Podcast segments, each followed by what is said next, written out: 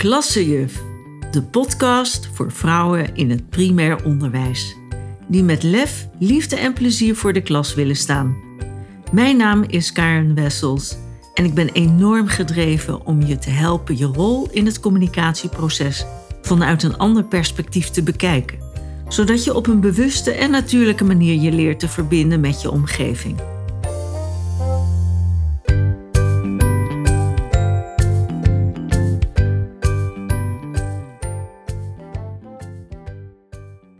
Hallo, wat goed dat je luistert. Vandaag hebben we het over zelfsturing. Maar wat is dat nou precies?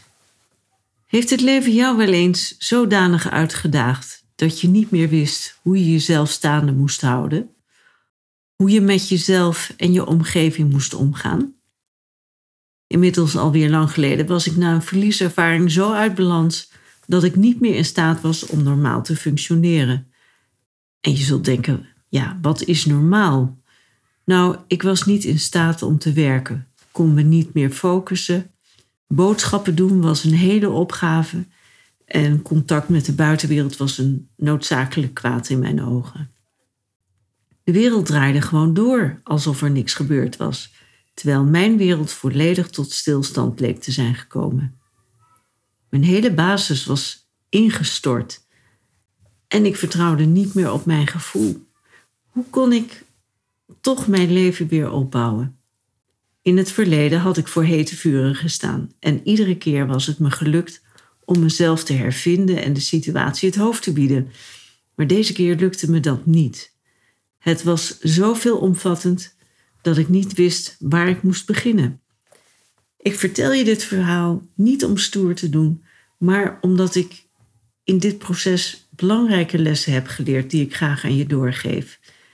Een grote les die ik heb geleerd is om hulp vragen.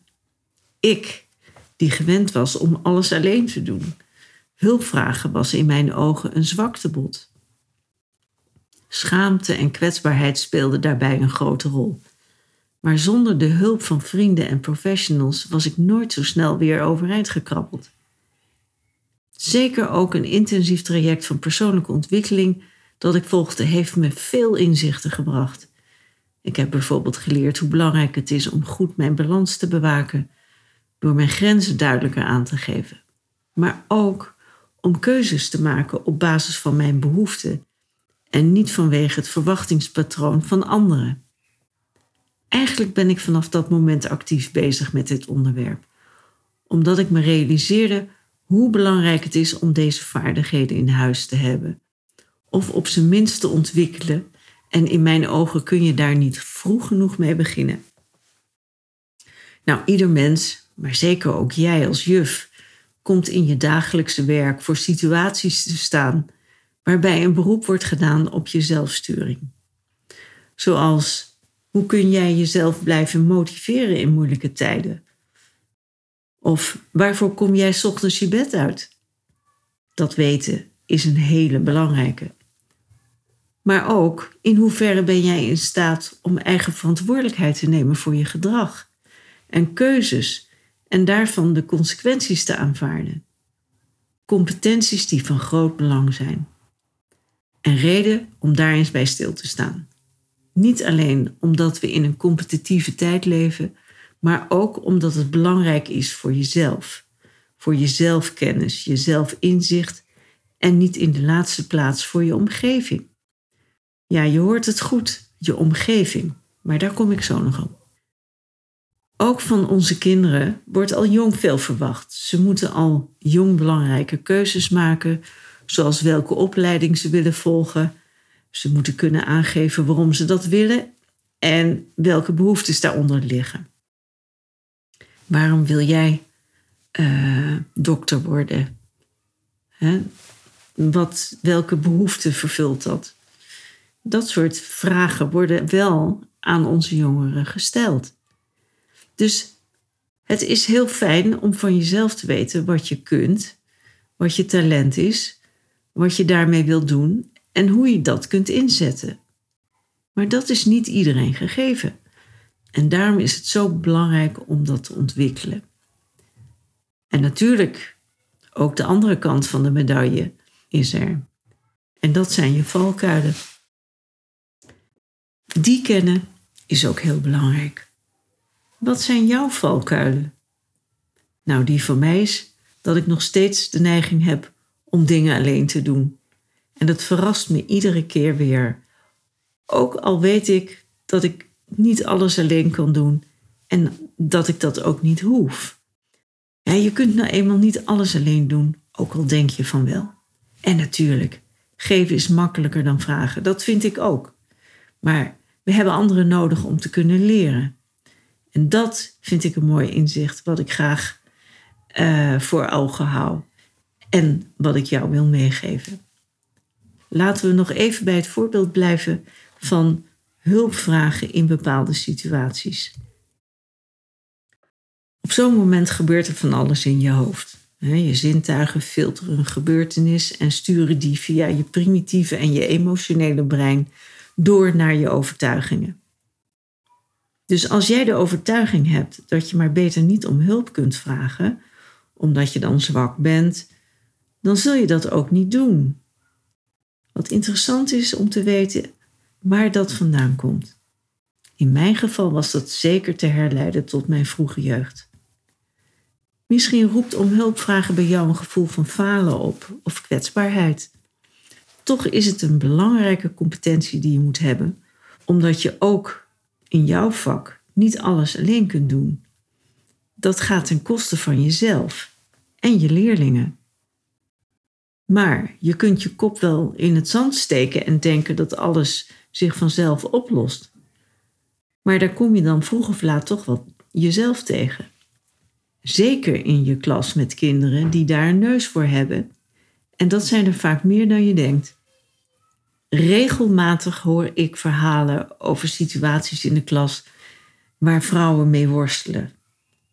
En vaak negeren ze het gevoel van onmacht, omdat ze niet in de emotie willen schieten, want dat is lastig en kost veel energie. Terwijl juist het negeren nog veel meer energie kost. Kun je je voorstellen wat er dan gebeurt? Nou, dat wil je niet. Ja, bij positieve emoties staan we graag stil. We zijn graag blij, vrolijk en gelukkig. Maar wanneer het negatieve emoties zijn, dan willen we er zo snel mogelijk van af. Terwijl juist die zoveel waardevols te vertellen hebben over wie we zijn en hoe we ons verhouden tot onze omgeving.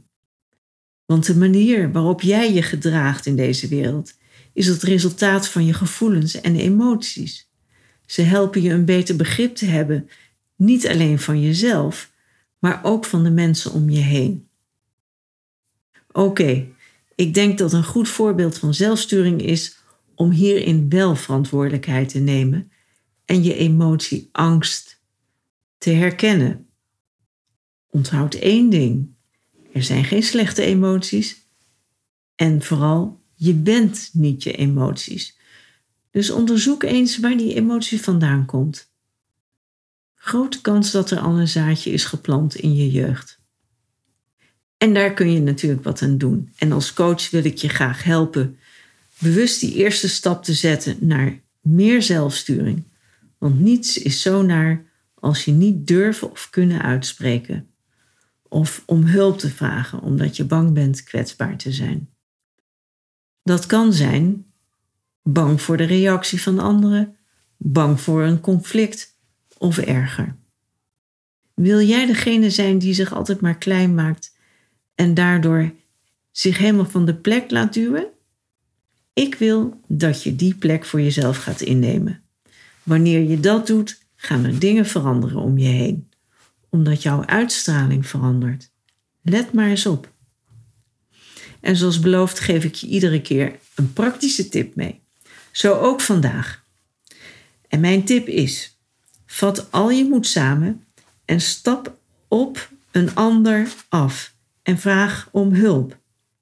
Of vraag hem of haar om je aan te horen, om mee te denken, om je te ondersteunen of om feedback te geven of je oneenigheid bij te leggen. Wat het dan ook mag zijn. Stel je emotioneel niet afhankelijk op van anderen, want jij hebt zelf het sturen in handen. Achteraf zul je merken hoe krachtig het voelt dat je voor jezelf bent opgekomen. Dus zet die stap. Succes!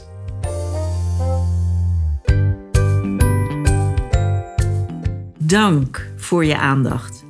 Wil je geen aflevering meer missen? Abonneer je dan op de podcast in je favoriete podcast-app. Meer weten? Kijk dan tussen de show notes van deze aflevering. Graag tot de volgende keer.